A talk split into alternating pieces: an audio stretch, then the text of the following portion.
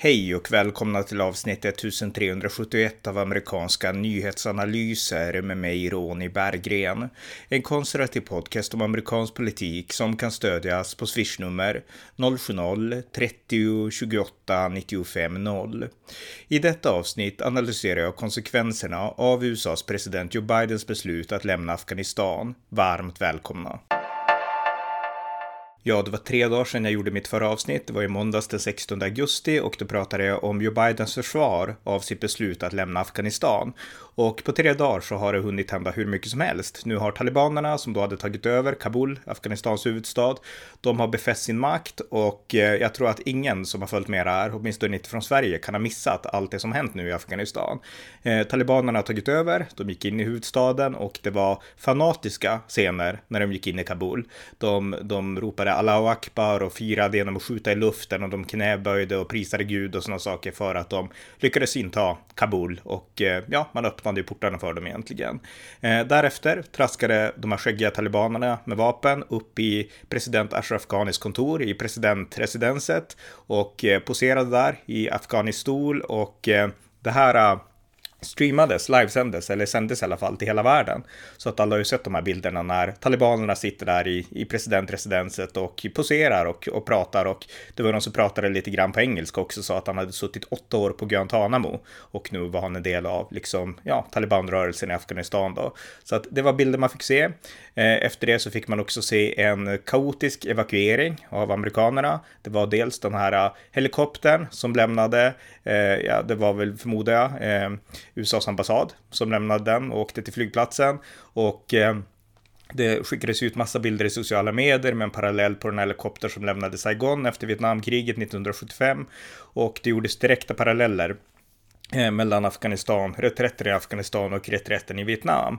Och det här var ju exakt det som Joe Biden inte ville skulle ske eller som han inte trodde skulle ske. Han trodde ju när han pålyste tillbakadragandet inte att Afghanistan skulle falla så här snabbt och när han då höll sitt försvarstal i, i måndags eh, så sa han ju också att, eh, att eh, han inte ångrade sitt beslut och sådär. Men, men Vietnamparallellerna liksom, de var, de var nästan oundvikliga när man såg det här som skedde då. Och sen så var det det som hände på flygplatsen, totalt kaos, mängder av afghaner kom dit och Många av dem ville åka med, de, liksom, de ville fly med, med de amerikanska planen och de sprang omkring där ute på, på flygfältet och så. Och det finns rapporter om att de var ditlockade på falska grunder, att det tweetades ut i sociala medier att alla som kom dit skulle få åka därifrån ungefär. Och så vart det ju inte. Och man kunde se då när det här äh, amerikanska flygplanet lämnade flygplatsen, hur afghaner klängde sig fast på planet och höll fast sig. Och äh, ja, några, en minst en har jag sett i alla fall, föll från planet. Alltså planet lyfte och äh, på några hundra meters höjd, för det går inte att hålla fast sig på ett flygplan sådär, så föll personen ner till marken och dog. Och det här blir också en bild som man minns av den här tiden. Så att Joe Biden har verkligen imagen av den här reträtten är totalt katastrofal. En helikopter som lämnar på samma sätt som gjordes i Vietnamkriget, talibaner som sitter och poserar inne i presidentresidenset och eh, med afghaner som faller från amerikanska flygplan till döden mot marken, vilket ger ju en liksom association till nästan, alltså de här som hoppade eh, från 9-11-tornen, World Trade Center-tornen i New York eh, den 11 september 2001. Det, det, det, är lite samma, en liknande parallell åtminstone, alltså människor faller och dör av, av desperation. Eh, sådär. Så att, eh, vad ska man säga för någonting? Det är en totalt, ett totalt haveri för Bidens exit. Och oavsett vad man än tycker om beslutet att lämna Afghanistan, det finns det ju liksom viss logik i. Donald Trump var helt inne på det spåret också. Och Donald Trump har ju gått ut och sagt att det här är katastrof och Republikanerna har även plockat ner kritik som man har haft, eller rättare sagt bifall som man har haft mot den här, till den här reträtten. För vi ska komma ihåg att Donald Trump förhandlade ju fram ett avtal med talibanerna förra året och eh, han var också inne på samma spår. Redan i april sa han att, eh, liksom att lämna Afghanistan är rätt, skrev Donald Trump. Så att eh, han var inne på samma spår. Men däremot så, eh, liksom, oavsett hur man ser på den här frågan politiskt, lämna eller inte lämna, så var ju liksom verkställandet av den här reträtten totalt katastrofal. Och där kan det finnas massa fog för republikaner att ge kritik och det här kommer granskas av kongressen och eh, granskas i detalj egentligen.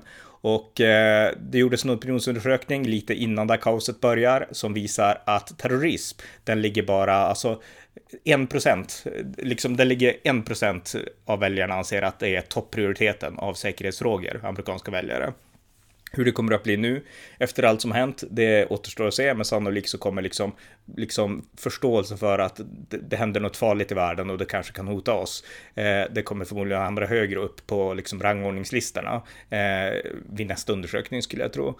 Men hur som helst, en katastrofal exit från Afghanistan eh, implementerad av Joe Biden. Och det för oss över till en fråga som jag vill resonera lite om här då. Var det här ödesbestämt att Afghanistan skulle falla? Eh, mitt svar är nej och eh, jag ska gå in på det lite djupare. Joe Biden menade ju också egentligen att det inte var det och han trodde inte att Afghanistan skulle falla utan att den här stora afghanska armén skulle kämpa vidare tappert och stå upp för det land som USA ändå har byggt upp under 20 års tid och investerat, jag tror att det är 3 biljoner dollar och mängder av bidrag har utflödat in från hela världen. Eh, Afghanistan har varit världens främsta främsta bidragsmottagare från liksom en allians av västländer egentligen.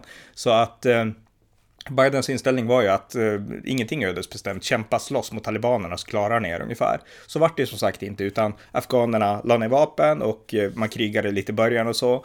Och det har man ju fått mycket kritik för och jag har också varit inne på spåret av att kritisera och den kritiken behövs. Eh, sen är frågan, ska den riktas mot de enskilda soldaterna eller det politiska ledarskapet? Och jag är mer inne på att det politiska ledarskapet i Afghanistan, det är där det stora misslyckandet har funnits egentligen.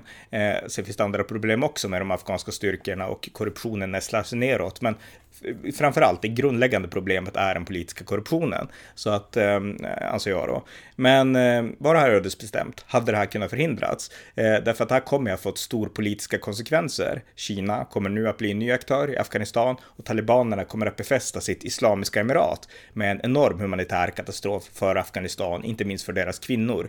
Eh, jag läste om en kvinna som hon hade flytt till Indien nu, men hon berättade att förra året så hon, hon hade arbetat som säkerhetspolis, eller som, som en del av polisstyrkorna i Afghanistan. Kvinnor fick ju göra det och var en del av egentligen alla de här institutionerna. Och hennes pappa som hade varit taliban, han var emot det och eh, ville att hon skulle sluta för att en kvinna ska inte göra sånt. Hon sa nej. Pappan tipsade talibanerna och eh, de kom till hennes hus, sköt henne. Eh, hon vart blind och hon överlevde dock, men hon vart blind och hon fick fly till Indien och så fick hon avancerad läkarvård. Och det var så hon överlevde tillsammans med sitt minsta barn då. Hennes andra barn är kvar i Afghanistan. Hon berättar om vad talibanerna gör ute i byarna de dödar kvinnor, de torterar kvinnor och de gör det för att avskräcka andra kvinnor för att från att leva icke-islamiskt och från att ta jobb och sådana saker som talibanerna inte vill. Och hon berättar att man, man torterar kvinnor, man mördar kvinnor och man matar hundar med kvinnokött, eh, förklarar hon egentligen. Och säger att det är helt fruktansvärt det som händer i Afghanistan och städerna, det, det är fruktansvärt där, men landsbygden är ännu värre, förklarade hon. Och, och sådär. Så att eh, och nu när talibanerna då befäster makten över hela landet, även över städerna och över regeringsmakten, så tyder allt på att det här kvinnoförtrycket kommer att fortgå. Eh, de har ju gjort någon slags eh, makeover eh, och visar en finare bild utåt och säger att vi ska behandla kvinnor bra, bara så länge de lever enligt islamisk lag och sådana saker. Men vi kan redan nu läsa om att de kvinnliga nyhetsreportrarna som har funnits i tv i Afghanistan tidigare, de försvinner. Eh, underhållning, kultur och sånt försvinner. Kvinnor målas över och eh, kvinnans roll i liksom den talibanska teologin som, som de urläser från islams grundkällor. Det är att hon ska hålla sig hemma, att hon ska vara mannens egodel i princip och eh, inte röra sig offentligt och sådana saker och att när hon är ute så måste hon gå, gå heltäckt och så. Vi får se liksom. Jag skulle tro att talibanerna implementerar det här sakta, väldigt sakta och det är förmodligen ännu hårdare ute på landsbygden än det är i städerna för städerna är stora och även om det finns talibaner där så är inte de överallt. Men som det nu så har talibanerna ändå börjat befästa makten och knacka på eh, i Kabul på människors dörrar för att ta deras pass så att de ska kunna fly. De avbeväpnar befolkningen och verkligen konsolidera makten. Så att när den här makten väl är konsoliderad, då får vi se vad som kommer att hända. Och eh, en av deras talespersoner sa att ytterst så är det en sharia-domstol som kommer att bestämma om islamiska straff som stening och kvinnors roll och sådana saker. Så att eh, vi har verkligen bara sett början av hur kvinnor kommer att behandlas. Men eh, mycket tyder på att den här kvinnan som flydde och som varit utsatt för det här fruktansvärda övergreppet, att hon förmodligen har rätt. Det börjar att det har inte börjat liksom kanaliseras utåt än och mm, talibanerna måste ju befästa makten och få ordning på allt först. Men med all sannolikhet så återkommer kvinnoförtrycket. Och eh, det här är fruktansvärt och det är en av konsekvenserna av, av det här då. Därtill som jag sa, Kina kommer att kunna komma in och få en ny roll och eh, Afghanistan kommer också kunna bli grogrund för ny terrorism. För al-Qaida och liknande. Alltså när sådana terroriströrelser får inte bara någon hemlig källare i någon slags, eh, ja, i en stad i Bagdad eller vart som helst, utan de får ett helt land där de kan bygga aktiva träningsläger för terrorister. Det var det de hade i Afghanistan innan, eh, ja, innan USA invaderade i oktober 2001. Så att eh, Afghanistan kan bli en safe haven för terrorister igen. Och Biden argumenterar lite grann för att det finns terrorister överallt i Afrika, det är inte bara i Afghanistan längre, och det är helt sant. Men i Afghanistan så kommer man få en regering som beskyddar dem, en talibanregering. För inte mycket tyder på att, eh, att talibanerna inte kommer att beskydda al-Qaida. Sen så finns det också interna konflikter och så, men talibanerna och al-Qaida delar i grund och botten samma teologi, samma föreställning. Och eh, Ja, eh, så att den risken är akut överhängande. Så att eh, det blir ett terrornäst Afghanistan. Så att det här är liksom, allt det här är destruktivt och det går i fel riktning. Så återigen då, var det här ödesbestämt? Och svaret är nej.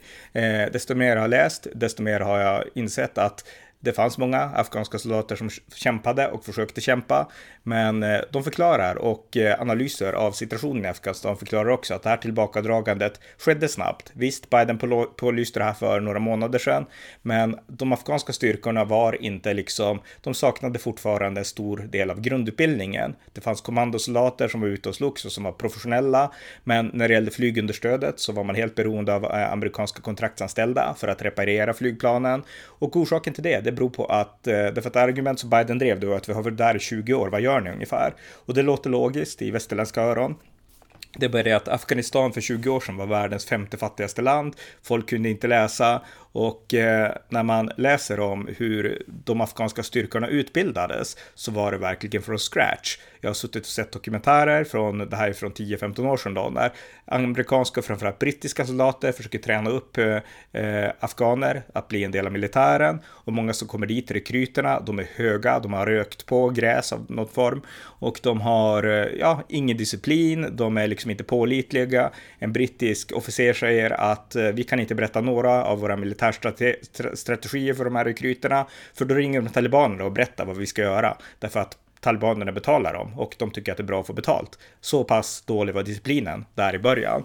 Och väldigt många kunde inte läsa och även om det har gått tio år nu så är det fortfarande så här att tio år är inte jättelång tid. Jag menar, läsa det är något som du oftast bör, lära dig som barn och sen så kan du liksom gå vidare till avancerade utbildningar. Jag menar våran, i praktiken, vår grundskoleutbildning i, i liksom i, i väst är ungefär ja, 10 år, 10 år eh, och liksom USA har varit i Afghanistan i visserligen i 20 år, men skolorna och sånt tog ju ett tag att komma igång med. Så att fortfarande är det så att om du ska läsa avancerade mekanikerutbildningar så behöver du först liksom, eh, det finns inte tillräckligt många som har grundkunskaperna för att kunna ta till sig de här utbildningarna. Det är det som liksom analysen jag har läst och därför behövde USA vara kvar för att kunna reparera flygplan och så. Och eh, en pilot som jag sig nu, han, han skrev eh, i en sms-konversation med en tidning, eh, att The Bulwark, att, eh, att eh, när USA lämnade Bagranbasen, flygbasen de hade där, över en natt i princip, då började hoppet släckas och man insåg att vi är helt nu på egen hand och eh, vi kan inte vinna det här för talibanerna sveper fram överallt. Och luften gick ur de afghanska säkerhetsstyrkorna. Man var rädda och man insåg att utan backup så, så kommer det inte här gå längre. Och det här var inte soldater som aldrig hade kämpat och plötsligt varit rädda, utan många av dem hade kämpat i 10-15 år. Men nu insåg de att nu funkar inte det här längre. Det, det är liksom, vi har kämpat i motvind, det har dött alltså 60-70 000 afghanska säkerhetsstyrkor, för det är de som har lett från kriget nu mot talibanerna. De här 2500 soldaterna som USA hade kvar tills Biden fattade sitt beslut, de har ju liksom lett bakifrån i bakgrunden, medan frontkrigen förs nu eh, till, tills för några dagar sedan då av eh, afghanerna själva. Så att eh, det vart en chock att USA lämnade. Hade USA stannat kvar även med den här ringa styrkan så hade man förmodligen eh, ja, kunnat fortsätta kämpa de afghanska styrkorna. Så att eh, det var inte ödesbestämt. Det, det är dit jag vill komma. Och eh, konsekvenserna av det här, Biden har inte tänkt igenom det. Och jag nämnde i mitt förra poddavsnitt också John McCain, eh, hans citat om Irakkriget visserligen, att han hellre förlorar ett politiskt val än ett krig. Och eh, jag har tidigare lovordat i viss mån Anthony Blinken som en balanserad och eh, hyfsad vettig person och vettig analytiker, alltså USAs utrikesminister då, som fattade det här beslutet tillsammans med president Biden. Men eh, jag såg ett tal av John McCain som 2014 motsatte sig bestämt att eh, Blinken skulle få en lägre position i utrikesdepartementet av Obama-administrationen därför att han menade att Blinken är farlig och med en sån som Blinken så, så liksom, då kommer man lämna Afghanistan i sticket och eh, det kommer bli katastrof, förklarade McCain. Och det var ett glasklart tal som, som jag tyckte var väldigt bra. Och han hade ju rätt McCain. Eh, Blinken har inte hållit måttet när det, gäller, när det kommer till, till Afghanistan så här. Och eh, 20 års arbete, 20 års nationsbygge har liksom kastats i sjön kan man säga. Så att eh, där är vi nu, eh, en flopp, eh, politisk flopp av, av Biden-administrationen och granskar man det här tydligare också så är det därför att här i Sverige när man läser opinionsbilder och liknande så pratar många om att USA har misslyckats, USA har misslyckats. Men faktum är att det som har skett nu är inte ett amerikanskt helhetsmisslyckande utan det är ett specifikt misslyckande av demokratiska politiker som har en tradition av det som kallas cut and run, alltså man skär ner och sen så flyr man fältet. Det var så demokraterna gjorde under Vietnamkriget och eh, det var så demokraterna ville, ville göra i Irak. Eh, George W. Bush stod emot, vilket var tur därför att tack vare Bush så vann man över al-Qaida i Irak. Sen så kom de tillbaka när Obama, demokrat, drog tillbaka de amerikanska styrkorna därifrån och då hette al-Qaida i Irak Islamiska staten då. Och eh, här i Afghanistan likadant. Demokraterna drog sig ur och det blev katastrof. Sen är Trump lite grann undantaget här, därför att han inledde som sagt den här processen, men ansvaret är såklart helt och hållet Joe Bidens, för det var han som fattade det här beslutet verkligen, och som inte heller omvärderade beslutet när, när man såg att det här går snabbt och nu faller inte bara landsbygden utan till och med städerna faller. Han hade kunnat omvärdera då och säga att oj, det här visst förstod jag inte och det här är inget vi har kalkylerat. Jag skickar tillbaka styrkor för att skydda Kabul och provinshuvudstäderna. Men det gjorde inte Biden utan han lät det här ske. Så att det här är en total liksom flopp från det demokratiska Eh, etablissemanget och deras syn på krig och amerikanska, liksom amerikansk säkerhetsnärvaro i världen. Så att det är inte ett allmänt amerikanskt misslyckande, utan det är demokraternas misslyckande. Ska man prata om det allmänna misslyckandet, då måste man lägga in Europas roll i det hela. Europa eh, och NATO och FN och EU lovade ju massa saker efter 11 september och efter invasionen av Afghanistan som alla stödde, att nu ska vi bygga upp det här landet och vi ska stå, stå tillsammans. Eh, NATO gav aldrig aldrig tillräckligt många styrkor. Den strategi som USA började använda i Irak, det var att man rensade ut terrorister och eh, sen så samarbetade man med lokalbefolkningen för att skydda städerna så att terroristerna inte skulle kunna komma tillbaks. Eh, så stora styrkor hade inte USA i Afghanistan där man mest arbetade med kontraterror. Där en terrorist vi åker dit och skjuter dem eller vi vaktar dem på stering och sen åker vi därifrån.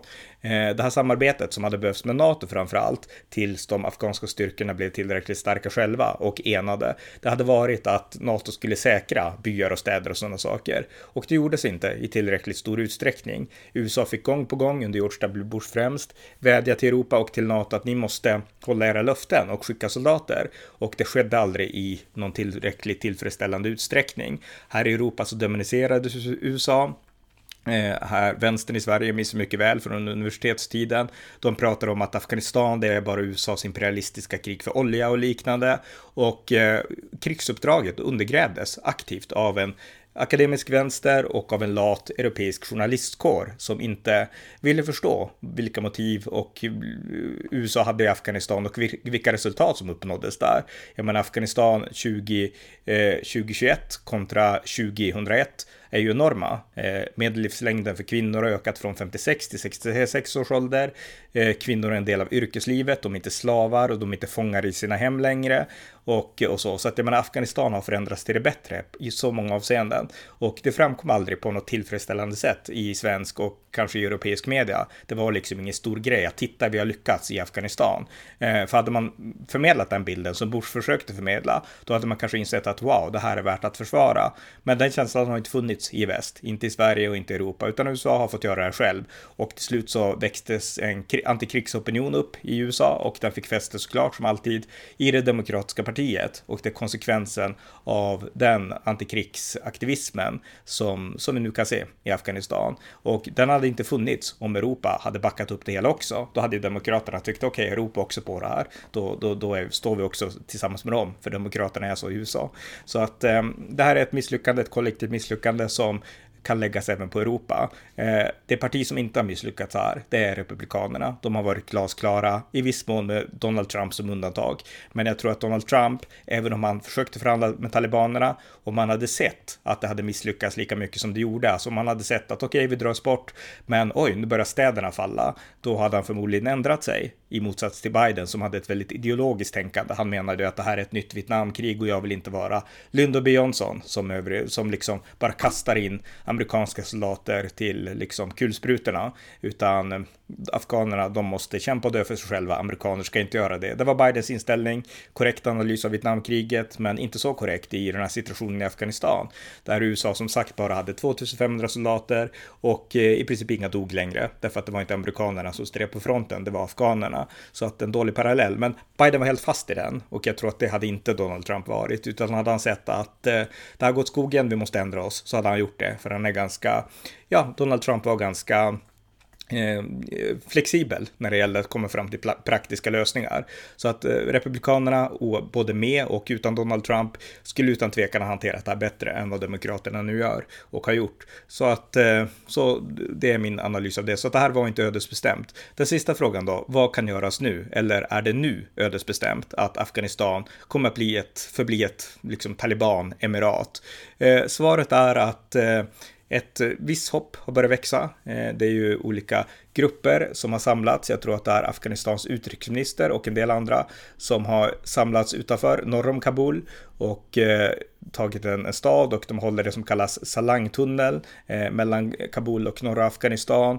Och det finns olika generaler, dels den tidigare vicepresidenten Amrullah Saleh och general Abdul Rashid Dostum och även eh, eh, Mahmoud Assad tänkte jag säga, men, men den här eh, kända krigshjälten från Afghanistan, hans son som har tagit över hela nu. Eh, Ashmad Samasud heter han såklart. Eh, hans, hans son eh, är också en del av den här begynnande motståndsrörelsen mot talibanerna. Och de håller ett område nu och eh, de verkar vilja bygga upp någon slags antitalibanrörelse därifrån. Men det innebär helt enkelt att för att besegra talibanerna nu som håller på att avbeväpna lokalbefolkningen så, så innebär det i princip ett nytt inbördeskrig.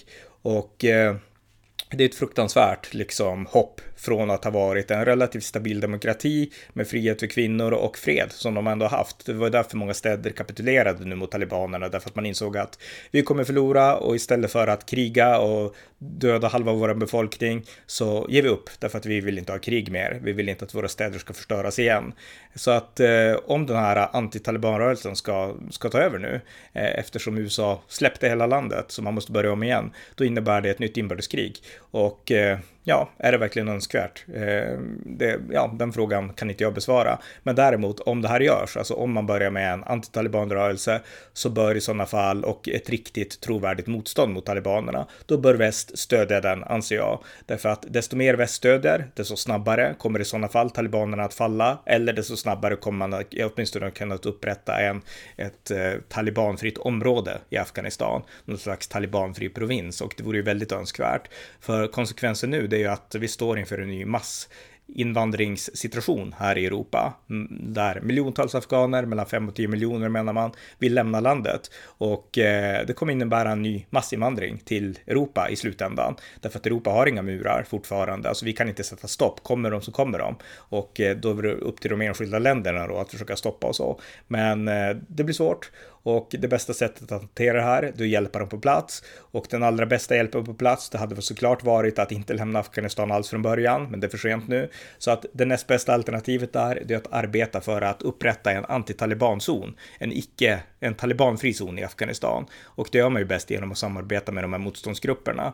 Så att det är någonting som jag förespråkar, oavsett om de har styrka nog att störta själva talibanregeringen, eller om de bara kan upprätta en slags fri provins, för då blir ändå det en tillflyktsort för, för många som vill fly. Och det tragiska nu är att väldigt många flydde ju redan under de här senaste veckorna och månaderna från landsbygden, från de andra städerna och så flydde de med bil och ibland till fots kanske in till Kabul därför att de tänkte att Kabul kan ju ändå inte falla och Kabul föll. Kabul la sig totalt för talibanerna så att nu har de flytt från talibanerna och nu är de ändå ändå under talibanstyre. Så att det är en helt fruktansvärd situation. Och eh, det är inte bara kvinnor som drabbas, men kvinnorna drabbas ju ändå mest kollektivt. Så att eh, det är ja, en fruktansvärd situation. Och det bästa väst kan göra nu, det, det är ju såklart, visst, hjälpa tolkar och sånt där, men vill man hjälpa folket, för majoriteten kan inte fly från Afghanistan, då bör man arbeta för att få till en eh, talibanfri zon genom att arbeta med de här nya, den här nya växande motståndsrörelsen. Det är liksom, jag ser inget vettigare alternativ än det. Så att eh, Afghanistans fall var inte ödesbestämt. Eh, dess öde nu, det är inte heller ödesbestämt, utan vi måste fortsätta agera för att motverka talibanerna. De är inte pålitliga, de är förtryckare av mänskliga rättigheter, de är väktare av en fruktansvärd islamistisk teologi och de är också beskyddare av terroriströrelser som al-Qaida. Så att eh, vi måste motverka talibanerna och det här nya talibanstyret och eh, det måste göras på alla nivåer och på olika sätt. Men ett sätt är ändå att tydligt ta ställning för den här motståndsrörelsen.